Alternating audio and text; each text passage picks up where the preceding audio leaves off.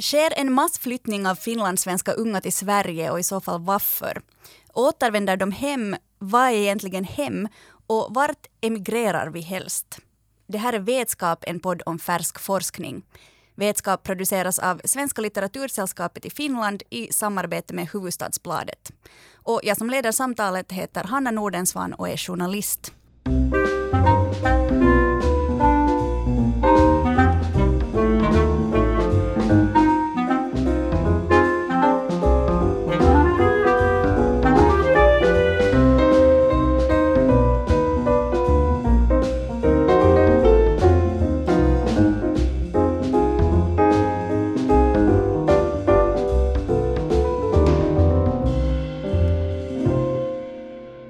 Nu ska det handla om finlandssvensk emigration.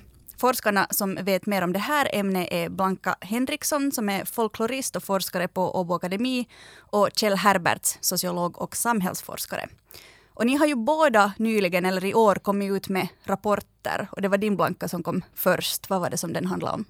Rapporten som jag skrev tillsammans med Kajsa Kepso för tankesmedjan Magma handlar om det här med att det talas eh, om att unga svenskspråkiga flyttar från Finland.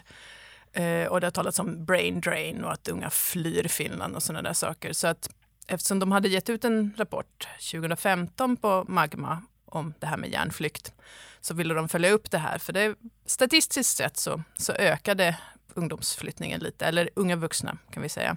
Och, och, som folklorist så är jag inte så egentligen så intresserad kanske av de här stora siffrorna utan jag är intresserad av människorna bakom siffrorna. Så min idé var kanske lite det här att se på vilket sätt eh, identifierar sig de som flyttar med en sån här? Har de faktiskt flytt från Finland eller är det brain drain det handlar om? Eller vad är det som driver de här? Vilken bra cliffhanger där. Kjell, din rapport kom ju som ett slags svar då till Blankas och Kajsa Kepsos rapport. Var... Ja, eller en komplettering kan vi väl säga. Därför att den finska emigrationen är inte stor till Sverige idag. Har, den har gått till andra länder. Och då var jag nyfiken att se på hur finlandssvenskarnas emigration till Sverige är ju fortfarande stor. Men hur är det med flyttning till andra länder? Så att min rapport heter Inte bara Sverige. Och jag har då fokuserat på på, på de som har flyttat till andra länder, där jag dels tittar lite på statistik, men också har tittat på frågelistor, samma frågelistor som Svenska litteratursällskapet och andra aktörer lät samla in tidigare. Och ni har då båda tittat på liksom finlandssvensk emigration. Varför är det relevant att prata om finlandssvensk emigration och inte finländsk som en helhet? Det är ju inte mindre relevant att tala om finländsk migration förstås. Eh, det är bara det att det kan vara spännande att se också på skillnader mellan olika grupper. Jag kan tänka mig att det finns andra grupper som skulle vara jättespännande att titta på i Finland också, hur de migrerar, inte bara svenskspråkiga och finskspråkiga. Men, eh, men just det där med att det finns en ganska lång tradition av migration just från svenskspråkigt håll i Finland gör ju att det är spännande att se på det. Sen är det det att vi finlandssvenskar tycker ju om att se oss själva i spegel. Mm, så mm. att eh, det här är en av de ödesfrågor vi mm. finlandssvenskar rör oss med. Och eh, det är klart för en folkminoritet så är det ganska viktigt, den här numerären också, hur många vi är. Kan vi upprätthålla ett tillräckligt starkt svenskt Finland och så vidare. Så att det, det är nog en väldigt viktig fråga, vilka val finlandssvenskarna själva gör. För att eh, vår minoritet börjar vara ganska sårbar och, och eh, det här om, om folk flyttar bort så det är klart vi blir ännu färre. Så att det är ju en evighetsdiskussion i svensk Finland det här och jag tror att vi också ska lyfta fram det positiva men det är klart att det är en på det viset en ödesfråga också om vi blir allt färre och det finns ett sug att flytta till andra länder, framförallt till Sverige. Men varför finns den här skillnaden? Alltså, jag läste era rapporter och alltså, finlandssvenskar är tre gånger mer benägna att flytta än finskspråkiga. Varför? Det, det är en tradition ända sedan Amerika emigrationens tid. Där. För att eh, då var det framförallt Österbotten som drabbades och Eh, vi har bott vid kusten, vi har varit sjöfarare och på det viset har det, världen har varit betydligt större än den egna täppan och, och på det viset att det, det, det, är ganska naturligt. Och sen är det väl ju den språkliga aspekten mm. är nog också ganska viktig här. Vi ska inte, inte glömma det heller. Det är klart att steget, om man tänker på Sverigemigrationen, blir ju lite, lite kortare om man vet att när man kommer fram så blir man förstådd direkt det måste göra en skillnad för den som flyttar, hur man än flyttar, att, att det finns en sån närhet. Samtidigt då idag också med, med allt det informationsflöde vi får från Sverige så tror vi oss veta mycket om, om Sverige. Så det är enkelt. Det är ungefär att ja. jag, jag ser nog den här Sverige-emigrationen mycket som en intern flyttning på det viset att Sverige är ett av de finlandssvenska landskapen. Hmm. Vad finns det för andra motiv då förutom språk och ett, ett till landskap? Det är väl de grundläggande orsakerna nog till flyttningen, men tröskeln är betydligt lägre eftersom man tror sig känna till det här andra samhället. Det finns inga barriärer i form av eh, pass och visum eller arbetstillstånd och så vidare. Det är bara att ta en båt över och söka jobb där det också kan finnas en kusin eller familjemedlemmar som förmedlar kontakterna. Så att eh, på det viset är tröskeln väldigt låg och det är väldigt enkelt att pröva på. Och jag tror också att idag så handlar det inte så mycket om att den här flyttningen tidigare var mera definitiv. Mm. Nu rör man på sig. Och det är enkelt att röra på sig idag. Och det är nästan så att man förväntas röra på sig som ung i dagens värld så, så hör det här med att röra på sig. Det behöver inte alltid vara att flytta, emigrera. Du ska studera någonstans, du ska jobba någonstans eller du ska resa någonstans. Du ska liksom se världen. Vi lever i en sån här global värld där det finns ett tryck. Att det kan nästan vara så att, att folk liksom lite skäms över att bo kvar någonstans och allt för länge och inte ha sett världen. Det där är en gammal tradition. Jag minns när vi gjorde en undersökning i, i Närpes, eh, sydöstra botten. Vi har haft en väldigt stor emigration till Sverige och eh, jag tror vi gjorde det här på 70-talet. Och, och när vi intervjuade återflyttare så var det ofta unga killar, män som hade åkt till Sverige för att få tjäna ihop till en bil. Det var, man var mera avvikande om man inte hade gjort den resan. Jaha. Efter militärtjänstgöring så åkte man till Sverige och jobbade något år. och Sen kom man hem och gifte sig och stadgade sig och så vidare. Men det hörde liksom till den här rörligheten. Och man såg inte det som emigration utan som en flyttning. Mm. Du, Temporär flyttning. Blanka, du nämnde brain drain där mm. tidigare. Är det här någonting, är det, är det sant? Är det högutbildade som flyttar främst? Uh, nej, det är väl så att rent statistiskt så går det inte att hitta liksom, bevis för att det är brain drain. För väldigt många av dem, i alla fall, alltså, nu talar vi om, om de här unga vuxna som jag har studerat som flyttar. Hemskt många av dem flyttar för att studera till exempel. Eller de kan ha en, en, en utbildning, en lägre eller en högre utbildning. Men det, det är liksom inte majoriteten som har det, utan det många flyttar för att studera. Och det är ju också det där att uh, flyttar man för att studera, då har man ofta en ganska tydlig bild av vad flytten innebär. Nu åker jag till Sverige då till exempel för att gå den här utbildningen. Och, och man kanske tänker sig att man ska komma tillbaks efter utbildningen är färdig och sen så ibland händer det saker och ibland kommer man tillbaks. Alltså 2016, för, för några år sedan, så då var det någon sorts stopp då i den här flyttningstrenden. Varför var det just då som människor flyttade mycket?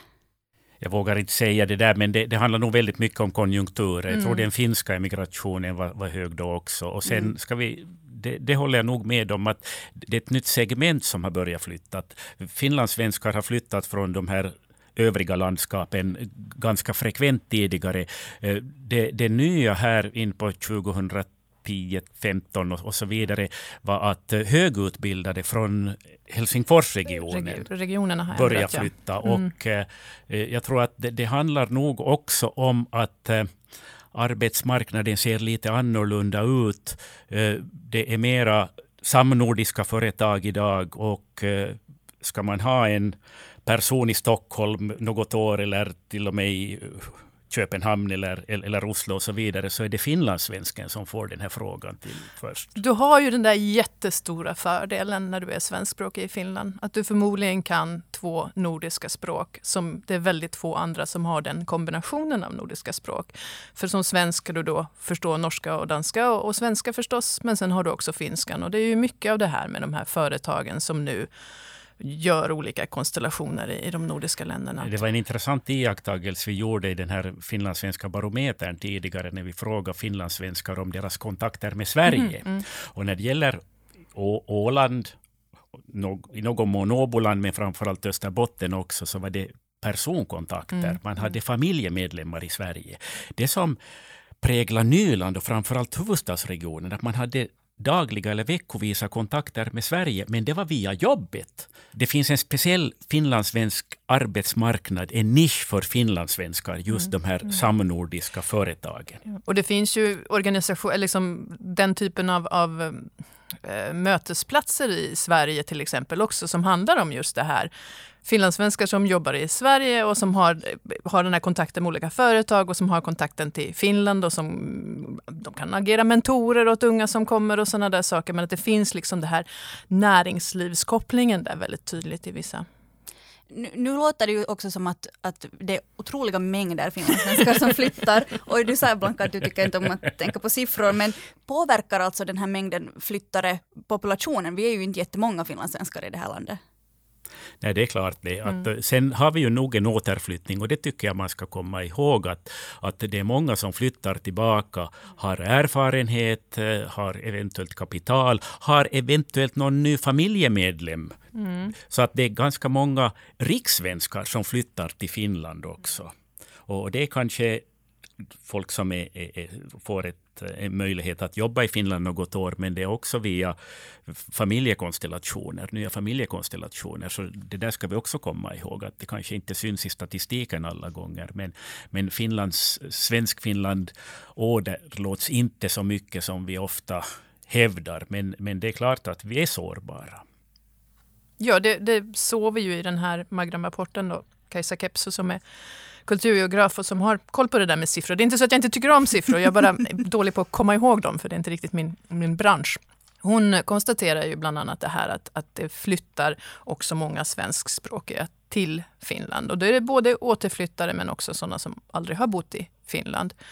Det kan ju vara både och. Jag är ju själv ärligt talat en av de här som, som på något sätt räknas in i det här. För jag är själv från Sverige, men min mamma är från Finland. Så mm. det finns också den här andra generationen som på något sätt ska upptäcka sina rötter. eller något sånt där. Och är man då uppvuxen i, i i Sverige så, så kan eh, svenskan ändå vara det starka, fast man kanske har finska som, som någon slags hemspråk eller något liknande. Och att Eh, en poäng som hon ville föra fram, Kajsa, var ju det här att vi kanske också ska ta vara på de här och tänka efter. Att hur får vi de här att bli en del av det hela?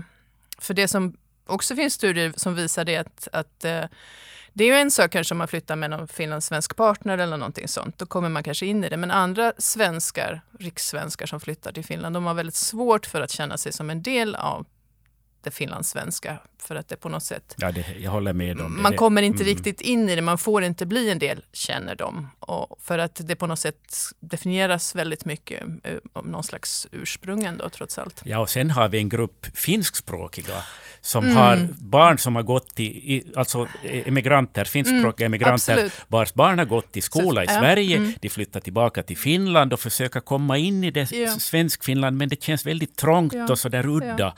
Eh, så att eh, jag har gjort sådana intervjuer också med, med, med, med återflyttare och återflyttares barn som kanske inte riktigt känner sig inkluderade i finlandssvenska. Mm. Eller det finns också exempel på människor som har varit krigsbarn i Sverige och jag menar levt en lång tid verkligen på svenska och kommer tillbaks och blir en del av det finska igen men på något sätt ändå har foten språkligt i, i, i det svenska och som då söker sig också till det finlandssvenska. Och ibland blir det en del av det men ibland kanske har svårt att riktigt hitta sin position.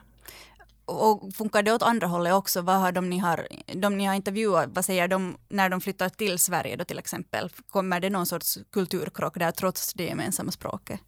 Uh, absolut kan det göra det. Åtminstone i mina intervjuer har det varit mycket det här att folk tänker sig att det är inte så stor skillnad och jag har väldigt bra koll på Sverige och Sverige är en del av det finsk, finlandssvenska för att kulturmässigt, populärkultur, eh, politik till och med. Sådana saker. Man kan liksom namnen på de viktigaste politikerna och sådana saker. Och så tänker man sig att så flyttar man till Sverige så är man del av det. Och, och, det kan vara, plötsligt så är det saker som på något sätt skaver eller som inte känns som att man, man riktigt klar, vet inte riktigt hur man ska föra sig. Men också handlar det om att man inte riktigt blir erkänd som en del av det kulturella för att folk hela tiden poängterar ens utanförskap som man kanske inte ens själv känner. Det vill säga kommenterar en språk. Ja, men den här svenskan, vad, vad är det för en sorts svenska? Eller är det en svenska? Eller bryter man på finska? Eller något sånt så det är ju en av de vanligaste. Nästan varenda en av dem jag har intervjuat har sagt att okej, okay, det kommer den här stunden när man bara vill liksom gå därifrån och tänka att varför kan inte svenskar förstå vad det är att vara svensktalande i Finland? Samtidigt som den egna identiteten ju finns med där också. Absolut. Så när lejonen möter Tre Kronor i ishockey, mm. så då avslöjar man ju sig själv i kaffe pausen, på kaffepausen, var jo. man hör hemma egentligen. Jo, jo. Och då är man ju lite out per definition. Out. Och sen just det där att folk har svårt för att förstå liksom hur det fungerar där. Hur kan du då heja? Vilket land hejar du på? Jag, någon gång tänker jag att när någon gång ska göra en studie av det här med ishockey, för det var någon som sa det här, att man flyttar till Sverige och helt plötsligt frågar folk, vad hejar du på för lag i ishockey? Och man säger, jag har aldrig tittat på ishockey, jag bryr mig inte om ishockey, men det är klart, om jag skulle heja på något så skulle jag heja på Finland, för jag är ju från Finland. Det är ju ingenting som folk alltså ifrågasätter själva bara för att de är finlandssvenskar, att de ska få vara från Finland. Men att de får den där frågan, att de måste definiera sig helt plötsligt sådär. Genom ishockey. Genom ishockey. Vad är det som gör att ishockey blir den här symbolen för... För det säger ju också när, eh, jag har inte gjort sådana studier själv, men folk som intervjuar andra generationens finländare som har flyttat, det finns ju enorma mängder, eh, och kanske också tredje generationens. De har det där lite av det där Finland, man har varit där som barn och så. Då kan man också ha det där att man kanske väljer till exempel det här hejandet bara för att någon gång. Det är ett sätt att ta del av det finska. Men samtidigt är den svenska identiteten idag ifrågasatt eller under förändring eftersom ju allt fler svenskar har rötter i andra mm, länder. Mm, och på det viset mm. så är ju eh, finlandssvenskar är ju en, en grupp bland många andra. Men jag tror att finlandssvensken tror att man ska åka i någon gräddfil just för att man talar svenska och att man liksom också ska inkluderas på ett annat sätt. Och jag tror att man nog gör det till en del. Till en men, men det är olika skikt det där tror jag. Absolut.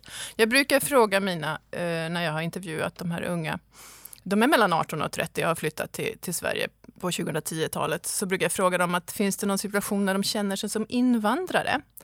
Eh, och då brukar de flesta säga nej, inte riktigt. Jo, förresten, när byråkratin slår emot, då är man en invandrare. Då märker man att den fria rörligheten mellan de nordiska länderna, ja, men du måste ha ett svenskt personnummer för att få eh, telefonabonnemang och du måste ha ett svenskt personnummer eh, i det för att kunna få bankkonto och du måste ha det för att få din lön. Alltså det är hela den här och sen också när du kommer där till Skatteverket och står där i den där kön så står du med de andra invandrarna du är en i en, en, en, en, annan grupp. Men sen när du kommer fram till kassan eller till, liksom, och ska betjänas, då talar du trots allt svenska. Då blir det igen det där. Okej, okay, mm. den här mannen som står bakom mig, han talar arabiska eller engelska, men inte svenska. Är det språket som gör att man är en emigrant och inte en invandrare?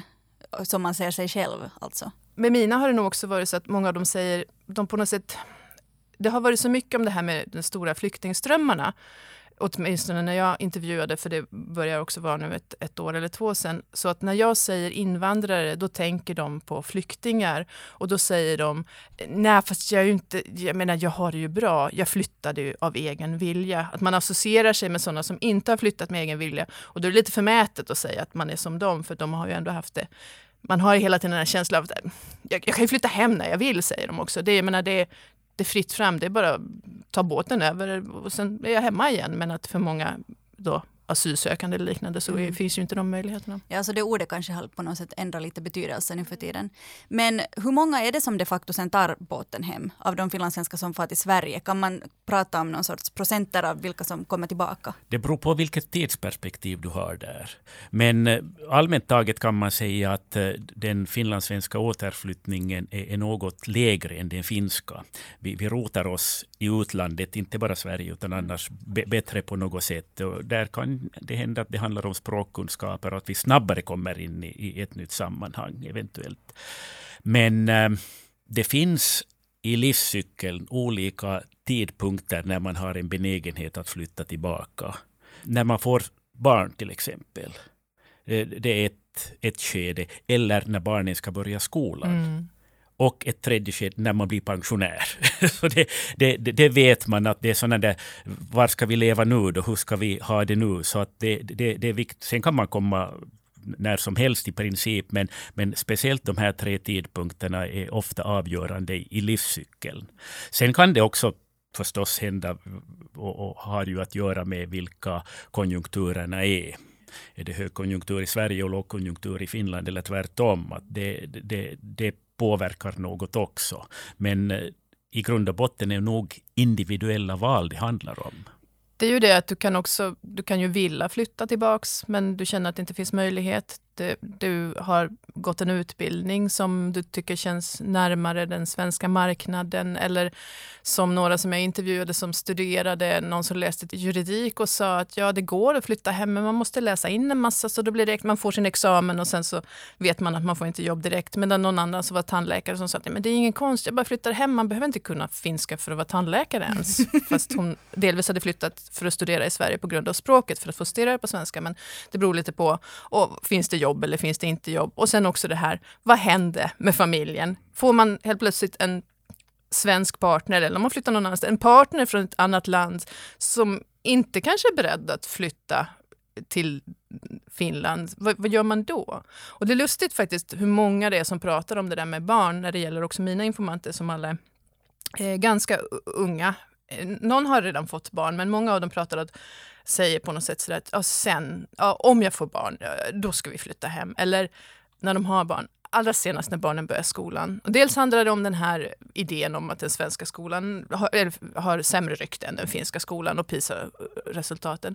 Men dels tror jag ibland när det handlar om barnen så handlar det om någon slags idé om att man har svårt att, svårt att föreställa sig. När man, när man tänker på sin, sina barn så tänker man på något sätt på sin egen barndom och man önskar dem en likadan barndom. För det gäller inte bara att flytta eh, tillbaka till ett annat land, utan det gäller också när man flyttar inom ett land, att man kanske flyttar tillbaks till sina rötter eller sin hemby, man flyttar närmare föräldrarna, det vill säga far och morföräldrar, eller man flyttar till någonting. Med Åland är det ju sådär också att, att folk tänker sig att ja, men ett, ett tag är man någon annanstans, men sen ska man ändå tillbaks till Åland, man försöker behålla sin hembygdsrätt och sådana saker, för det finns någonting där som man vill, man kanske vill ge det här samma som man känner att man själv har haft till sina barn. Vi ska lämna Sverige lite och ge oss ut i världen nu. Vilka andra länder förutom Sverige flyttar finlandssvenskar då främst till Kjell? Norge har ju varit väldigt populärt. Inte så populärt under senare år, men, men tidvis har, har, har Norge haft en attraktionskraft och direkta värvningar av vårdpersonal har man gjort här i landet också. Sen eh, Köpenhamn ganska intressant. Specifikt också. Köpenhamn? Ja, precis. Danmark, men det är Köpenhamn. Och, eh, och Bryssel, man kan säga Belgien, men det handlar om Bryssel. Där finns också en arbetsmarknad. Och Storbritannien, läs London. Och, och, eh, där har vi mycket gemensamt med, med de finskspråkiga, där också just London och Bryssel utgör speciella arbetsmarknader för specialutbildade människor. Och här talar vi då mera om de som har en utbildning redan. Den här flyttningen till Sverige är ungefär som flyttning inom landet, skulle jag säga, ur finlandssvensk synvinkel. För att skaffa jobb eller skaffa utbildning och så vidare så finns också Sverige-alternativet. Men de som flyttar till andra länder, då de har ofta en god och genuin utbildning. Och kanske inte alla gånger flyttar heller för gott, utan via finska företag eller finska staten eller representation i, i lobbyorganisationer och så vidare i Bryssel och så vidare. Så att där finns väldigt eh, rik variation. Men man kan väl säga att ofta är det välutbildade experter som flyttar eh, och eh, gör det kanske nog för en, en bestämd tid. Men de kan också lämna på den resan. Flyttar vi, vågar vi flytta ut utanför Europa eller är det främst Europa? Främst Europa, men eh, det är kanske framför allt via eh, våra större företag i, i, i Österbotten handlar det om Wärtsilä där väldigt många unga ingenjörer kanske åker till Brasilien något år eller till Italien några år eller Singapore och så vidare. Eh, och det är då en temporär flyttning men dock flyttning och hela familjen kommer med för ett antal år. Har du Blanka några synvinklar på det här utanför Sverige? Nej, annat än att Norden är ju förstås, men det ser likadant väl ut i övriga Norden tror jag, att, att Norden på något sätt fortfarande är en enhet som känns eh, lättare att flytta till och, och det rör sig mera. Och sen så förstås EU, men specifikt vissa länder. Och sen förstås finns det alltid de här äventyrliga flyttarna som flyttar någon helt annanstans. Eller som gör det via jobbet. Jag har ju faktiskt tittat på, på den här samma frågelistan som du har. Jag kunde inte låta bli att titta på de som hade svaren som hade flyttat någon annanstans också. En intressant iakttagelse när jag tittar på statistiken att väldigt få finlandssvenskar har under senare år flyttat till USA.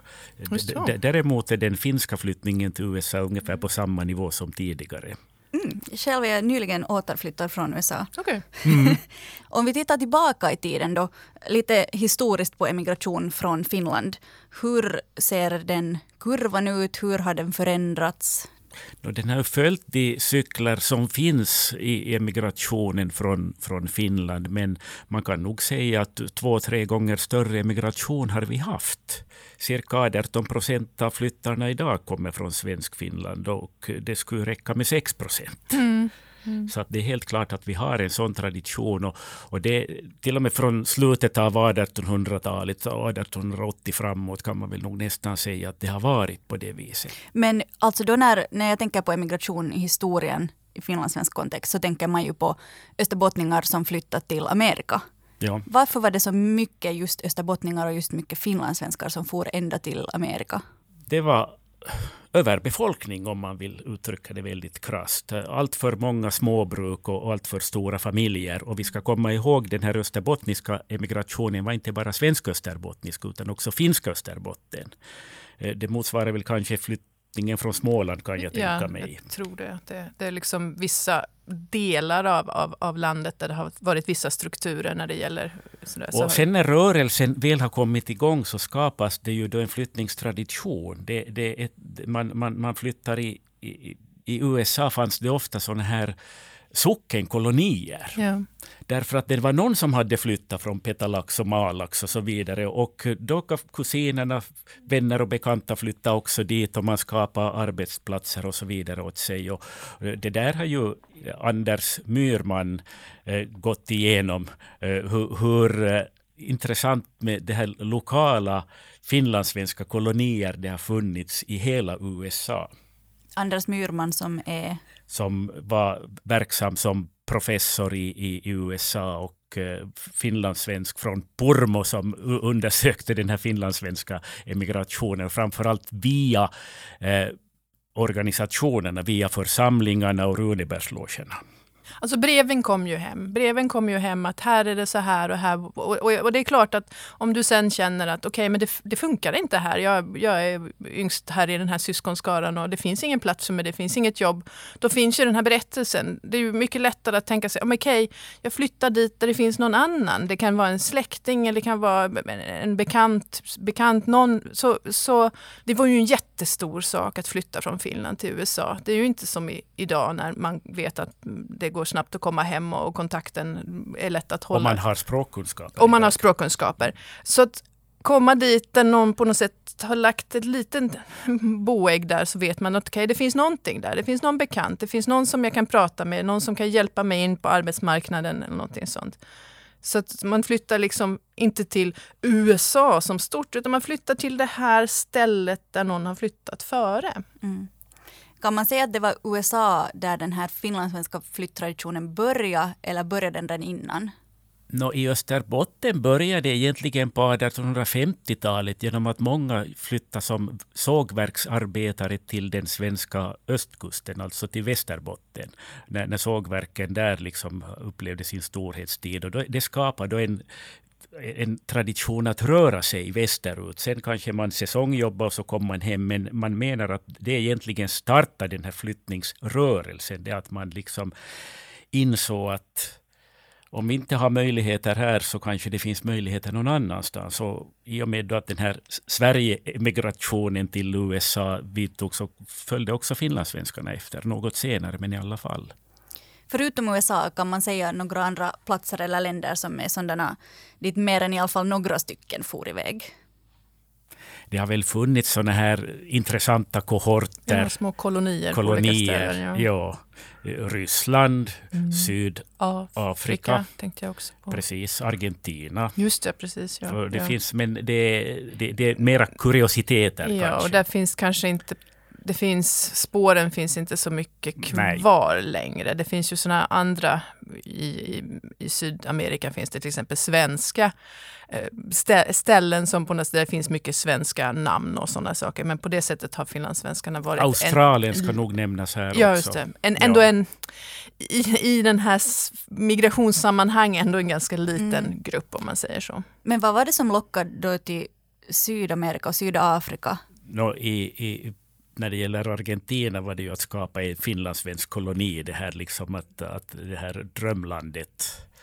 Eh, fara dit och skära guld, guld med täljkniv. Liksom den ja. idén om att det finns någonting där som, som inte är exploaterat än att kanske där finns Och lite större. bort från det ryska förtrycket här mm, också. Det fanns mm, lite mm. politiska inslag där också. Men det verkar ju ändå som att både då och nu så är det liksom längs med kusterna där de finlandssvenskarna bor, det är de människorna som åker. Det är alltså helt praktiskt sådär att det är lättast att fara iväg därifrån. Varför, varför är det just kustfolket som far? No, det handlar väl om kustfolkets världsbild också.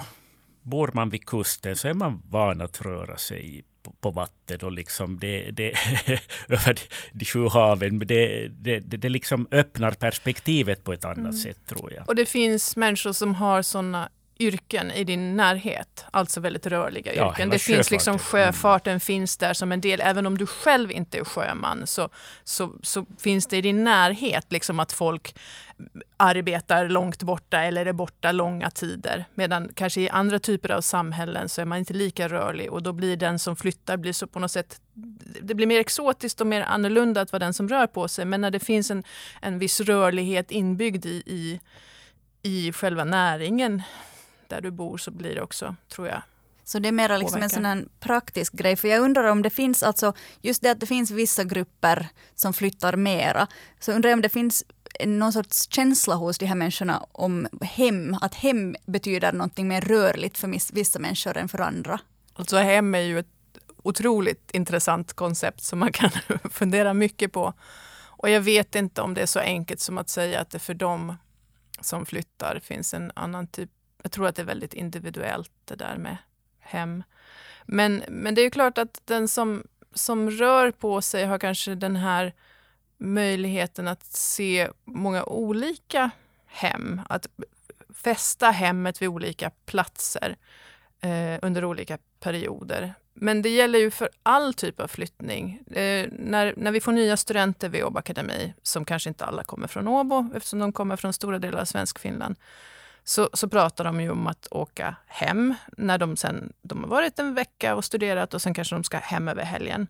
Men samtidigt åker de ju hem igen när de åker tillbaks, för de har ju ett nytt hem. Och sen kommer sådana här koncept som hem-hem och, och, och, det där att vi har på något sätt, vi har möjlighet att visualisera och, och, känna att det finns många olika Det hem. positiva är att man kan uppleva att man har flera identiteter och du behöver inte utesluta varandra. Men det negativa är att man kan uppleva en Ro, rotlöshet. Ja. Och liksom inte liksom finna någon plats där mm. man riktigt känner mm. sig till rätta. Ja. För flyttar man tillbaka så är det är ett helt inte, annat samhälle nej. man kommer mm. till mm. också. Så att jag har nog själv upplevt i här emigrantintervjuer att man behöver inte skrapa på den här ytan väldigt länge så är det nog många som känner en viss eh, osäkerhet eller otillfredsställelse därför att inte man hör riktigt hemma någonstans. Mm.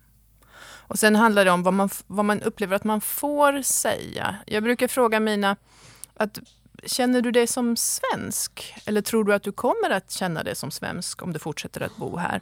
Och det här med medborgarskap är också intressant. Liksom, väljer man att behålla med? I dagens läge kan man ju ha flera, men det handlar ibland om att välja. Ska man ha flera? Ska man byta bort sitt gamla eller något sånt där? Och det sitter på något sätt väldigt starkt det här med medborgarskapet. Vad, vad är jag? Vad har jag för pass? Och så kan det vara praktiska saker. Jag tror att det där är ganska individuellt också, för man märker ju det också att en del finlandssvenskar i utlandet söker gärna sig till andra finlandssvenskar för att få tala sin dialekt eller liksom Uh, ha, ha den här kulturella förankringen, medan andra nästan tar avstånd från det där. De vill vara fria i, i sådana här frågelistor vi har haft. Eh, jag upplevt det där ibland. Är, är det de som är intresserade av Svenskfinland och gärna vill ha kontaktytorna kvar som svarar ja. på de här enkäterna, ja. medan andra som kanske går vidare och tycker att det är globetrotters idag, så vad spelar det för roll från vilken by eller från vilken stad ja. man kommer? Det är otroligt individuellt det där när man frågar någon. En del säger, nej men jag är inte svensk, men jag är inte finsk heller. Jag är europé. De vill inte binda sig på det sättet, eller de känner. Och andra säger, det beror på vilken situation. Ibland är det ena bland det andra. Reser man längre bort så kanske det räcker att vara nordbo för att ha något gemensamt. Och sen också att man kanske inte riktigt vågar eller vill man känner sig förmäten. Det var någon som, som eh, berättade att okej, okay, nej, svensk blir jag väl aldrig, men, ja, men stockholmare, nej, nej, nej, för då ska man ha bott här i si och så många generationer. Det, man får inte, för då, så kan ju stockholmarna själva hålla på eftersom Stockholm är en storstad och det flyttar folk väldigt långt där, liksom från hela landet. Att, att vem får kalla sig för stockholmare? Men jag tror de bodde i Mälarhöjden i, i, i Stockholm. Så, ja, men jag är från Mälarhöjden, det skulle jag kunna. Att det liksom jättelokala, ja. där blir det någonting som man kan identifiera sig med. Och sen förstås också det att, ja men, och så, och så är jag från Pormo också. Det, det, ena utesluter inte det andra och ibland är det viktigt att vara det ena, ibland är det viktigt att vara det andra. Men, men just det där att man har väldigt många olika ja. platser som man knyter till kan bli lite sådär, ja, att man känner sig rotlös. Men samtidigt har jag upplevt att identitetsfrågan är relevant för finlandssvenskar och där kommer den här mm. minoritetssituationen Absolut. in i bilden. Här i Finland definierar vi också vår identitet betydligt oftare än de finskspråkiga gör. Mm det är intressant det där vad man väljer att, att packa med sig och när man väljer att liksom visa upp det. För att det har jag märkt både hos mig själv och andra finlandssvenskar som reser, att när någon frågar att varifrån är du, så säger man inte bara Finland utan man säger Finland, men jag är alltså finlandssvensk mm. och så kommer det en hel del sån här ramsa om ja, då 1300-talet så kom Sverige till Finland och så vidare. Och så vidare. Mm. Varför väljer man så otroligt specifika egenskaper av sin identitet som man tar med sig? Men det handlar ju också om vad du har haft för behov av att uttrycka din identitet när du var hemma.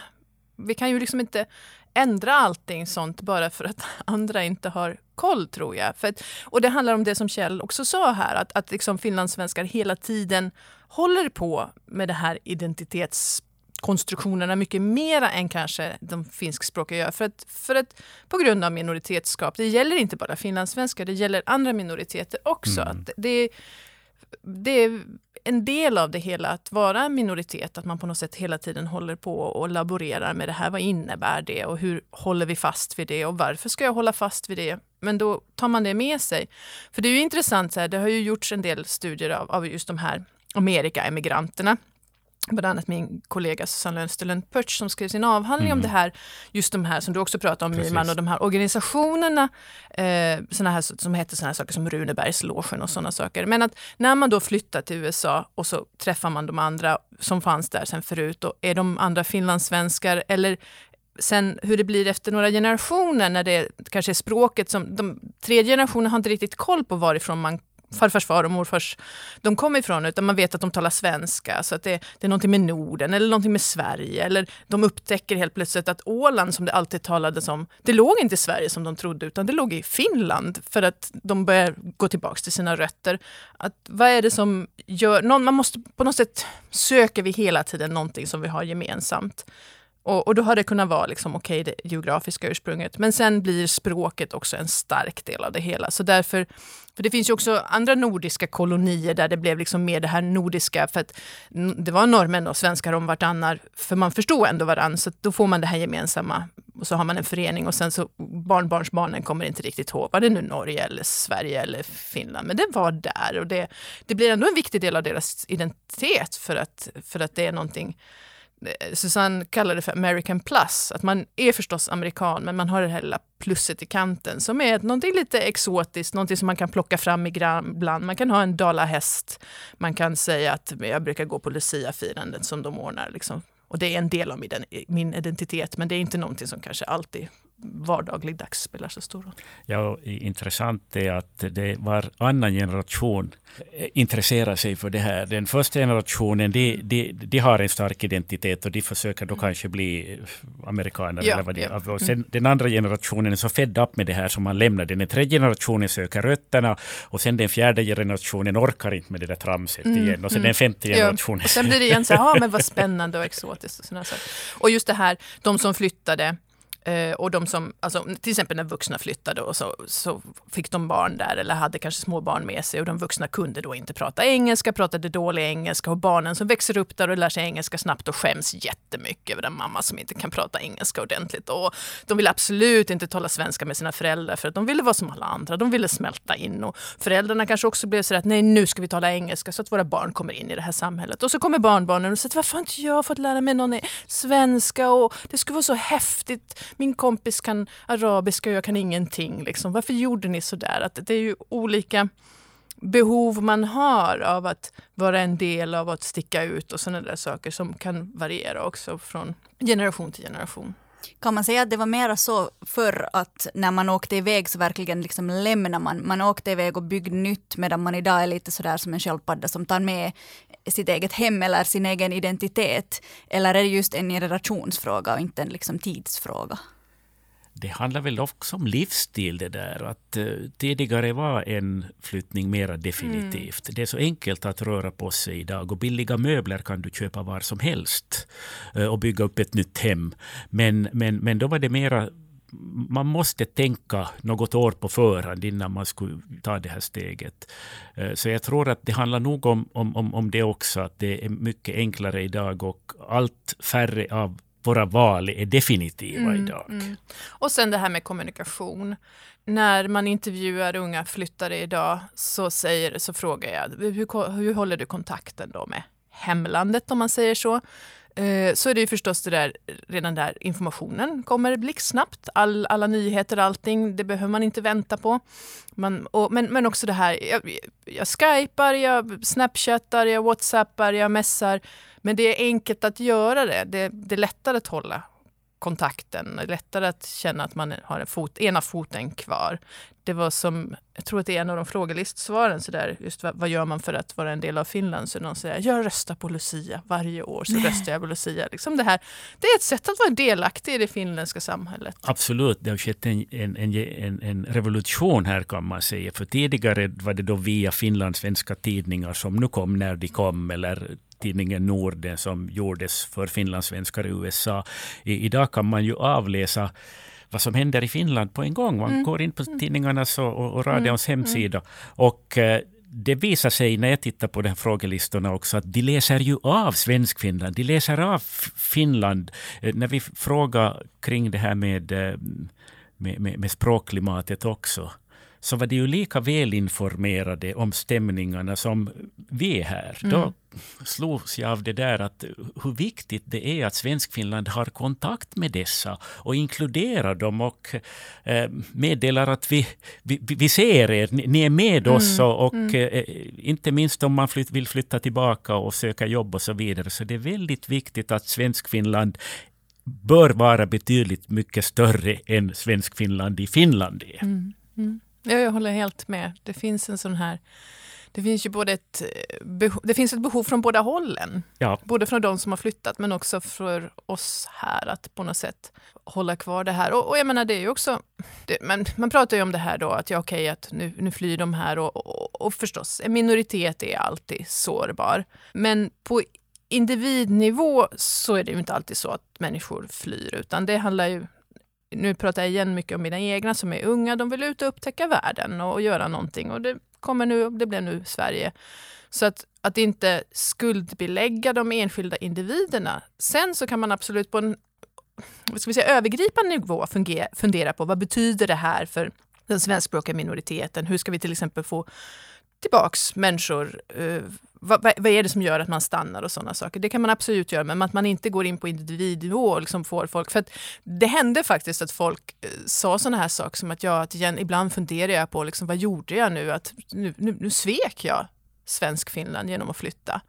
Att borde jag flytta tillbaks? Nu är det en mindre en mindre av de som talar svenska. Och det ska man ju inte egentligen behöva tänka på. Ja, som... Samtidigt som de har en mycket stark eh, identitet också. Det är ju faktiskt ambassadörer för Svenskfinland, om vi vågar ta det uttrycket. Därför att det finns väldigt många rörande exempel på man har miniföreläsningar om Svenskfinland. Ja, jag kommer, inte från, jag kommer ja. från Finland, ja, men utöver det så kommer det och det. Och, och liksom hur, vilka reaktioner man mm. får, så den nyfikna reaktioner, men också så där, vad är nu det där för dravel håller på med? Med. Men man ger inte tappt, man liksom faktiskt vill ja. berätta. Ja. Man vill visa sin egen identitet, sin egen bakgrund. Mm. Och det är väldigt det är viktigt. viktigt. Ja, jag har också flera som sa att nej, när jag frågar blir, blir du trött då? Sa, nej, nej, nej, nej, det är okej. Jag, jag, jag, jag, svarar på den där frågan igen. Jag berättar, för jag tycker att det är bra att de vet.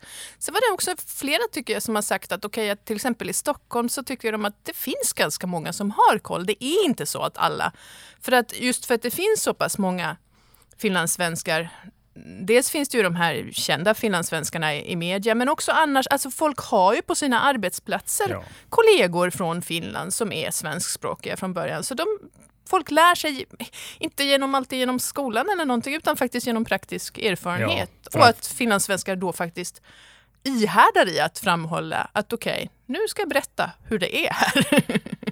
Om vi lite tänker på framtiden och spekulerar då, men på basis på era forskningar. Hur tror ni att det kommer att bli? Det känns ju som att vi har ju uppenbarligen ett behov att röra oss, men samtidigt finns det den här um, känslan av tillhörighet och att man är en grupp och så här. Tror ni att den här flyttvågen, om man nu kan kalla den så, kommer att fortsätta? Uh, kommer den finlandssvenska liksom, gruppen att ändras just det här med att man åker utomlands, hittar en partner och kommer tillbaka och sen finns det finlandssvenskar som har, då förutom svenska som, finlandssvenska som modersmål, kanske ett helt annat andra språk mm. än finska. Mm. Hur, hur ser ni på framtiden ur era forsk, forskarperspektiv? Oj, det är ju svårt att säga eftersom det är så otroligt många komponenter som spelar in här. Det är konjunkturer till exempel. Eh, flyttar du iväg för att du vill ha arbete eller någonting liknande så krävs det också arbete för att du ska flytta tillbaks. Och, alltså just det där, att finns det, finns det det du vill ha eller, eller specialiserar du dig på något sätt när du är borta?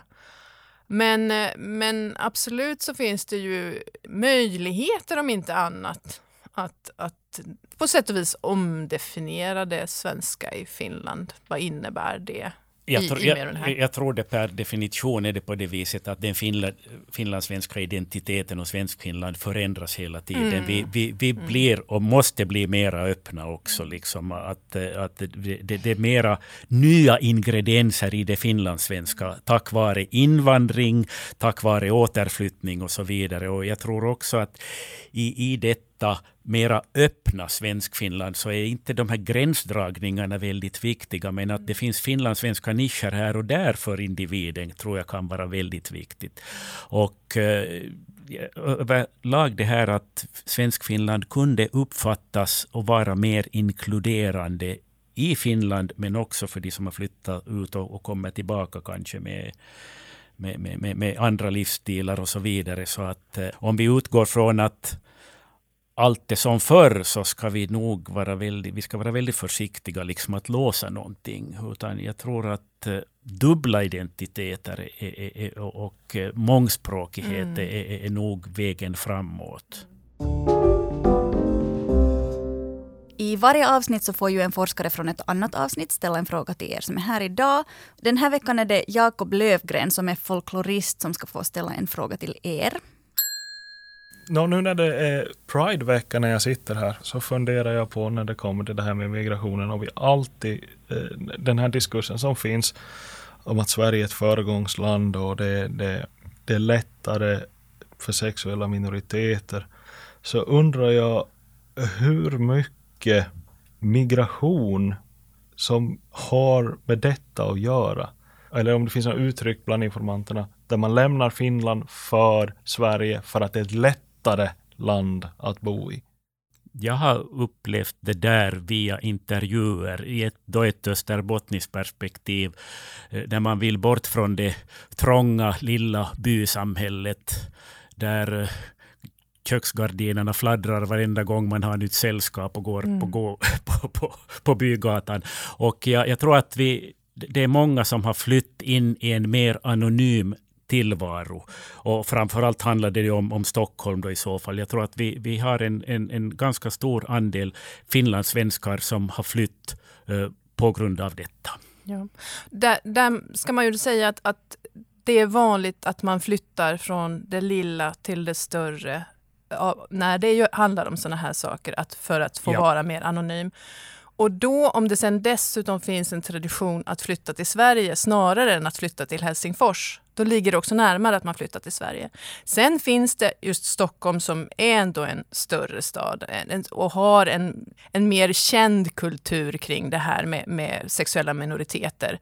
Eh, och sen fanns det, det fanns ju överhuvudtaget också på 60-talet de här idéerna om den sexuella friheten i Sverige. Att man flyttar dit på grund av det. Sen vet jag att det finns också, åtminstone i den här frågelistan, så finns det också um, det här med lagar som kan vara annorlunda. Translagarna och operationer och sånt är annorlunda i Sverige. Det kan vara lättare att få bli den man vill vara. Men det handlar inte bara om Sverige utan det handlar också om om, igen, en kombination av det här att flytta från det mindre till det större, att flytta till ett ställe dit andra har flyttat förut. För nog finns det det också där i att man vet att det finns andra där på plats ja, som har flyttat före och mig. Och i migrationshistorien finns det mycket eh, sån här kohortflyttningar där religiösa minoriteter och, och, andra minoriteter har flyttat just för att komma bort från det trånga ja. och, och leva ut ja. och förverkliga sina ja. idéer på ett helt annat alla, sätt alla än som, man kan göra hemma. Alla som har läst, läst Vilhelm Moberg eller sett ja. filmerna Utvandrarna vet att också de religiösa minoriteterna eller väckelse, de flyttade för att få leva ut sin, sin eh, religio, religiositet och, och, andra flyttade för att leva ut sin sexualitet eller sin personlighet eller vad det nu är. Att, att det kan vara, kännas att det finns ett tryck att man måste flytta på sig. Mm. Så ja. Att friheten finns någon annanstans än hemma liksom. Mm.